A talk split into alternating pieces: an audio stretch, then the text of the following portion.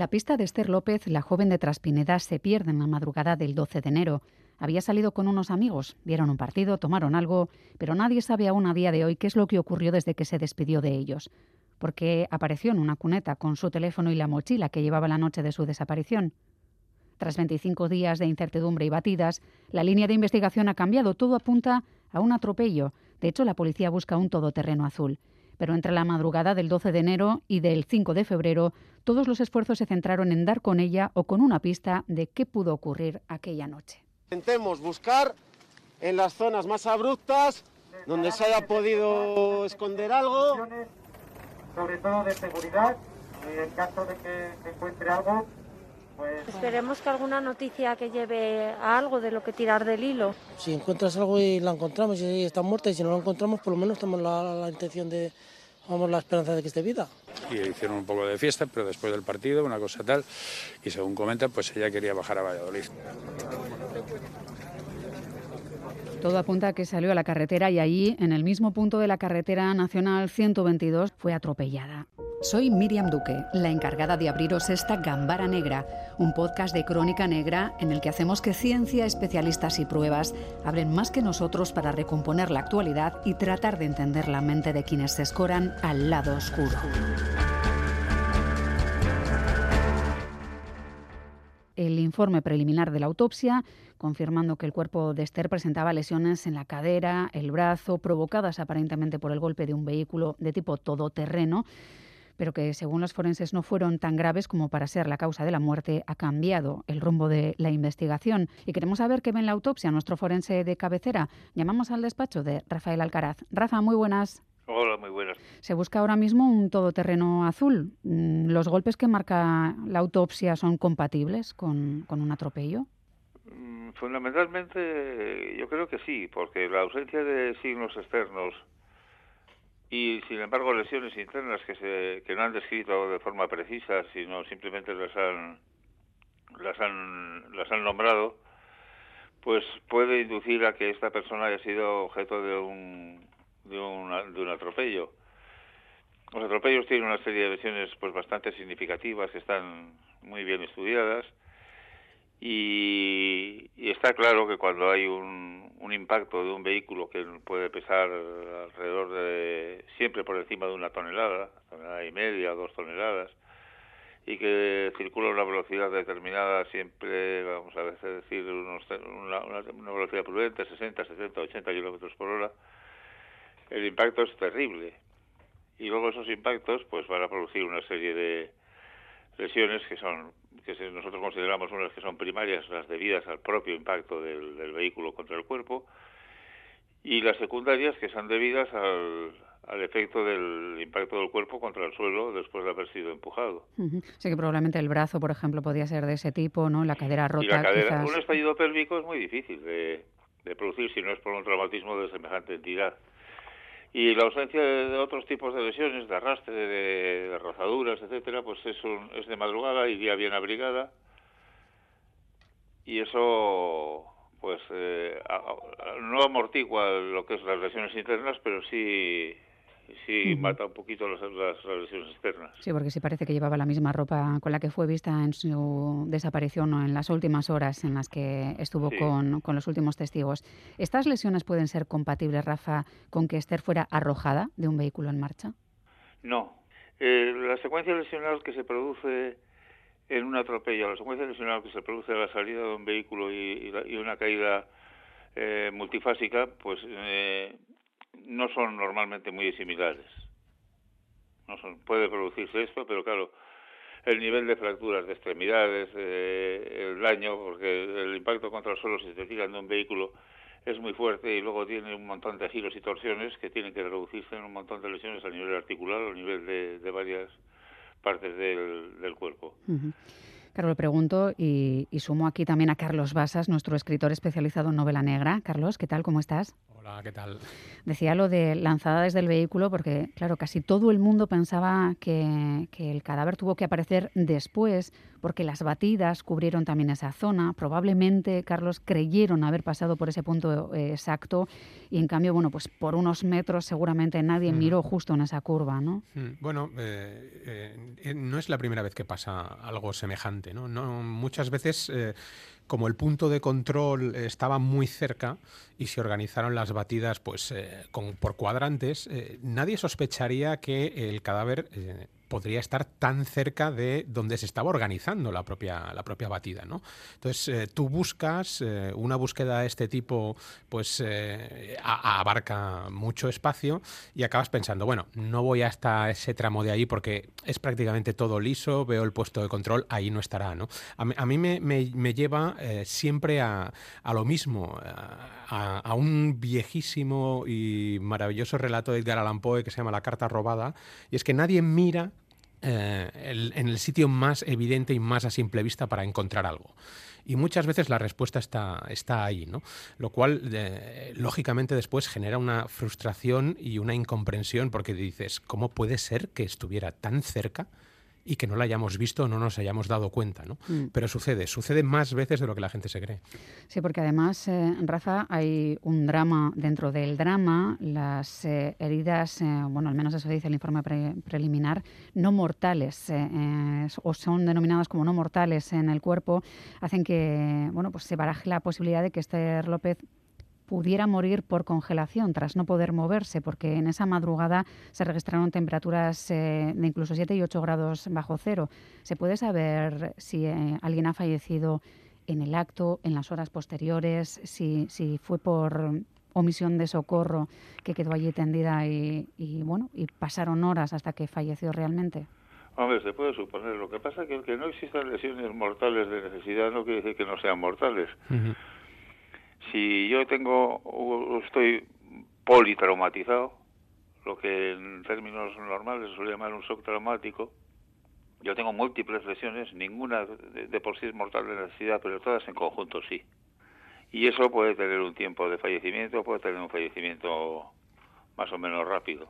De todas maneras, en una situación de atropello, lo que no hay, lo que no nos va a dar la, la autopsia, por lo menos con una objetividad eh, necesaria, con la objetividad necesaria, es el, el, momento real de la muerte. El tiempo real sí nos lo va a dar el cuerpo, sea porque está putrefacto, sea porque tiene larvas, porque tiene una evolución de esos, de esos, de esos insectos, y entonces vamos a poder centrar en un momento determinado. Pero que haya habido una supervivencia mayor o menor, la puedes suponer, pero como os he, os he dicho, el, la existencia de múltiples lesiones todas de una cierta entidad, ninguna mortal de necesidad, sí suponen a veces una causa de muerte bien uh -huh. cierta. Sí, porque es verdad, Carlos, que, que es triste, ¿no? Pensar que, que, alguien puede atropellarte porque no se dé cuenta, que es difícil pensar algo así, porque uh -huh. tenga miedo de lo que puedan encontrarle o, o, de su estado o de las consecuencias, se marche y esa omisión de socorro acabe costando una vida que podía haberse evitado, ¿no? Yo creo que es la, la hipótesis más triste de todas. Sí, y, y, aún así eh, tampoco habrá, tampoco convencerá a todo el mundo, ¿no? Eh, ya he estado yo escuchando, leyendo, informándome acerca de eh, múltiples teorías que tratan de rebatir lo que puede ser la, respuesta más científica o más lógica, ¿no? Porque nuestro cerebro necesita unas respuestas que que, que, este caso parece que no nos daba o, o, no nos da, ¿no? Una satisfacción de decir, no puede ser que, que, que esto haya pasado, ¿no? En Navarra tuvimos un caso relativamente parecido eh, que sucedió con una mujer que se salió de la se salió de la vía. En ese caso el coche cayó en una zona de, de cañaveral y quedó tapado, pero la policía pasó por esa carretera eh, varias veces y no se vio el vehículo accidentado. Si no lo estás buscando y a la mínima que quede un poquito tapado, eh, puedes pasar perfectamente de largo. Incluso mm. pueden haber pasado por ahí, como afirmaban muchos vecinos, pues gran cantidad de gente porque es un sitio en el que, no, pues si por aquí pasamos todos, no es posible que estuviera, ¿no? Entonces es una respuesta, como te decía, que no nos satisface a nivel emocional, aunque desde un punto de vista científico eh, nos puede dar la, la, explicación más lógica, ¿no? Pasó mm. esto, y si la policía está buscando ese vehículo y si la autopsia ha determinado que la respuesta más probable es esa, pues eh, probablemente sea así. Rafa, una última pregunta. Se busca un vehículo de tipo todoterreno. Entiendo que son de frontal más alto. ¿Eso es acorde con el tipo de lesiones? ¿Se busca precisamente un vehículo alto por eso? Las zonas de impacto son las zonas que te demuestran la altura que más o menos puede tener ese vehículo. Entonces, las zonas de impacto eh, están buscando un vehículo azul, lo cual me hace suponer que han encontrado restos de pintura en la ropa de, de la víctima. Eso es, había una transferencia ahí, ¿no? Mm, sí, aunque es difícil, ¿no? Que la transferencia sea hacia la ropa de pintura, ¿no? Que con vehículo contra vehículo es más fácil que pase, ¿o también? pero contra humanos, desde luego, ¿eh? En los atropellos, sin duda. Pues esperemos que eso sea la pista definitiva y, se averigüe qué es lo que pasó. Yo, vamos, creo que desde que aparecieron los primeros signos que se publicaron de que había lesiones internas, pero que no había prácticamente lesiones externas, la zona donde apareció, la forma, la, posición en la que apareció, pues todo te indica pensar en un traumatismo muy potente, un lanzamiento del cuerpo que cae boca abajo y que se mantiene ahí mm, porque no se mira, porque a mí me ha pasado en alguna ocasión, eh, en un par de casos que hemos tenido, que una persona ha estado tres meses al borde de la carretera. Pero es que se ve desde el borde de la carretera. Lo que pasa es que la gente ahí se solía tirar eh, ganado cuando fallecía o animales muertos. Entonces, el, olor que notabas al paso por la carretera, la gente de una forma automática lo atribuía mm. a los bichos. A lo habitual, ¿no? Y no, se daba el pues, paso de mirar en profundidad. También han estado buscando, yo creo que uno de los, no un error, pero una pequeña equivocación es eh, que quizá desde el principio se, se hizo se buscó lo que, lo que no era. Se hizo un diagnóstico prematuro de una situación real. Sí, lo que hemos comentado muchas veces, Rafa, cuando vas con una hipótesis preconcebida... Eh, Estás perdido, porque todo, quieres que encaje en tu hipótesis. Eso es. Y entonces, bueno, pues si se estaba buscando un homicidio, se estaba buscando todos los datos de un homicidio. Un homicidio choca muchísimo con un atropello, por muy homicida que sea. Entonces, bueno, pues esperemos eh, que haya bueno, pues ese último y dato definitivo que permita saber qué ocurrió en las últimas horas de la vida de Esther López. No tardará mucho, desde luego, en localizar el vehículo. Pues esperemos que sea lo antes posible y que la familia descanse después de saber qué ocurrió de verdad. Un abrazo, Rafa. Gracias por las explicaciones y cuídate. Te devolvemos a tus quehaceres. Gracias a vosotros. Un abrazo.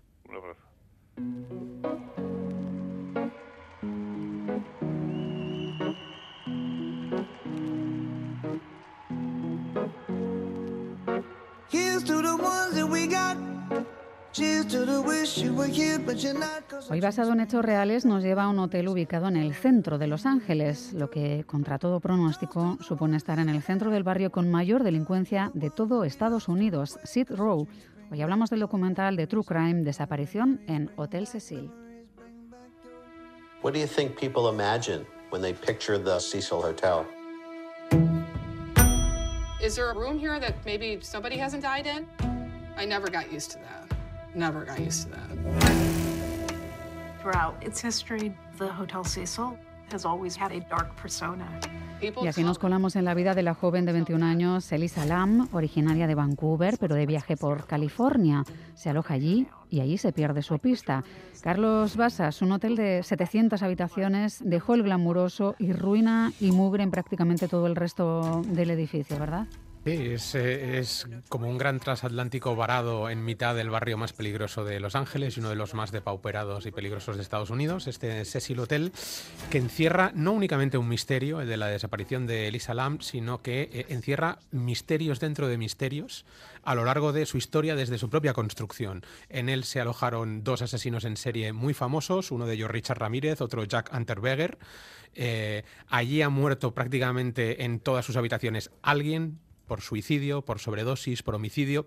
Este edificio acarrea como una maldición eh, entre aquellos que son aficionados al, misterio. ¿no? Pero si uno de los casos efectivamente eh, es el más rocambolesco, raro y extraño, es este de la desaparición de Lisa Lam, sobre todo eh, gracias a que no sé si de una manera acertada o no, la policía, llegado el punto en el que Elisa no aparecía y se había perdido su pista, decide compartir en redes eh, un vídeo, el vídeo en el que ella aparece viva por última vez dentro del ascensor de, de ese hotel. ¿no? Sí, es un vídeo de las cámaras de seguridad de- del propio hotel. Estamos Ujú. hablando de una desaparición. Ella se registra el 28 de enero de 2013 en la habitación 506, creo recordar.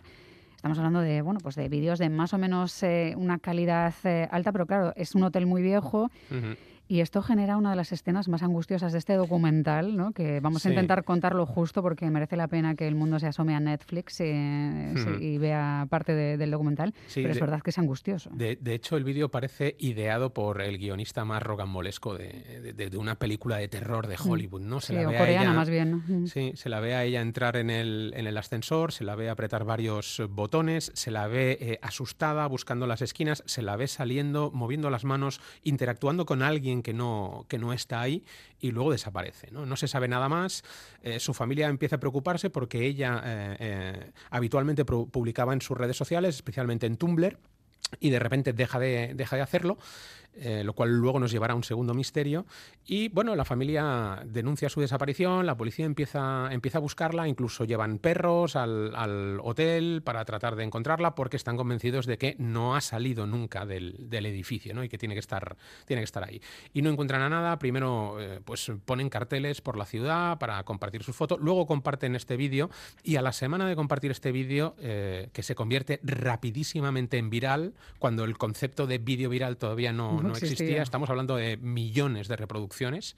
eh, eh, un cliente eh, se queja de que el agua va- sale con poca presión Cuidado y, con lo que cuentas. y con un color un poco extraño. Otro cliente se queja de lo mismo eh, y son varios los clientes, turistas ingleses, etcétera, que llaman la atención sobre este asunto y lógicamente el hotel manda a alguien a ver cuál es el problema. ¿no? Y el problema es Bueno, el problema lo vamos a dejar ahí, pero sí que quiero rebobinar por un momento, Carlos, en otro de las cuestiones que decías, ¿no? Ujú. Se convierte en viral, hay millones de reproducciones Ujú. y se genera en redes, cuando todavía no vivíamos en este mundo de redes sociales actual, una especie de euforia por tratar de saber qué ha pasado, Ujú. por investigar. Incluso gente amateur y profesionales del sector investigan segundo a segundo si el vídeo del ascensor ha sido manipulado. De hecho, es posible encontrar eh, ese vídeo real de, de 2013 en YouTube y tiene millones de, de Sí, reproducciones y se ve que ha sido ralentizado de alguna forma, ¿no? Y ahí se empieza a investigar Hmm. que alguien del propio hotel o con acceso a las cámaras ha tenido que modificar algo, ¿no? Bueno, eh, estamos otra vez ante, ante lo que comentábamos antes, ¿no? Esa teoría de la conspiración, que si hay segundos desaparecidos del vídeo, que si está editado, que hay un momento que la puerta pasa de estar eh, abierta a ya eh, un cuarto cerrada, eh, esas imágenes eh, supuestamente ralentizadas, eh, cualquier eh, mínima eh, duda o cuestión eh, es rápidamente eh, contestada, analizada por miles de usuarios que empiezan a crear esas comunidades que hoy en día siguen muy activas en Estados Unidos, que son las comunidades de detectives eh, cibernautas, ¿no? Gente que tiene mucho tiempo libre y desde distintas perspectivas, porque claro, es gente que se dedica a distintas disciplinas, ¿no? Hay ingenieros, hay abogados, hay químicos, hay, hay de, de todo tipo de gente que eh, está enganchadísima a, a esos grupos de investigación que en muchas ocasiones ayudan a la, a la po- a la propia policía cuando está desbordada. Y efectivamente, eh, todas las teorías más mm, increíbles que te puedas imaginar alrededor de, de ese vídeo, ¿no? Luego a eso se suman, evidentemente, eh, los amantes de lo paranormal, ¿no? Mm. Eh, sin embargo, una de las claves de este documental, tampoco voy a, canta- a contar mucho No, más, no, no. y que nos puede dar eh, la pena que lo vean. sí, nos puede dar cierta respuesta, es que durante un tiempo la familia, la propia familia, ocultó eh, el cuadro de eh, enfermedad mental que tenía la propia Elisa. ¿no? Ella estaba eh, diagnosticada de trastorno bipolar, también de depresión, se medicaba, con lo cual, eh, conociendo esa información, uno también puede interpretar el vídeo de otro modo. ¿no? Mm. Con lo cual, eh, bueno, las dudas se generaron y es un, eh, un crimen que sigue sin respuesta y al que Joe Berlinger, que es uno de los documentalistas de True Crime más famosos de Estados Unidos, también autor de la serie Paradise eh, Lost eh, y de las eh, cintas de Ted Bundy, pues le saca todo el partido posible. ¿no? Es como estar asistiendo a lo que tú decías, un cruce entre un episodio de Castle, una película como Dark Water coreana, con el misterio más rocambolesco. De hecho, citaba a Castle porque hay un episodio de la serie Castle que trató este tema, aunque lo ambientó en Nueva York, y reflejaron un caso eh, exactamente igual, ¿no? De hecho, ha habido más de una serie y más de una película donde hay, donde hay referencias. Y para que la gente se haga una idea, también antes comentaba de que dos asesinos en serie, durante el periodo en el que estaban en activos matando, eh, se alojaban en el Cecil, también para eh, que esto juegue más eh, a favor de la mística del, del, Cecil, fue el último sitio donde fue vista con vida eh, Elizabeth Short, la famosa Dalia Negra. Bueno, pues eh, esta es la propuesta que hoy trae Carlos Basas, Desaparición en Hotel Cecil, que acaba de estrenarse en Netflix. Un, bueno, un proyecto documental eh, que hace que pases angustia por momentos, eh, que te cueste olvidarte de esa escena del ascensor, parado en la planta 14, si no me equivoco, donde no se cierran las puertas y donde no sabes qué pasa porque el tiempo parece ralentizarse y la atmósfera genera mucha angustia. Si queréis saber qué pasa, lo mejor es o reservar o echado un vistazo a Hotel Cecil. Carlos Basas, como siempre, muchísimas gracias. A vosotros. Agur. Hasta luego.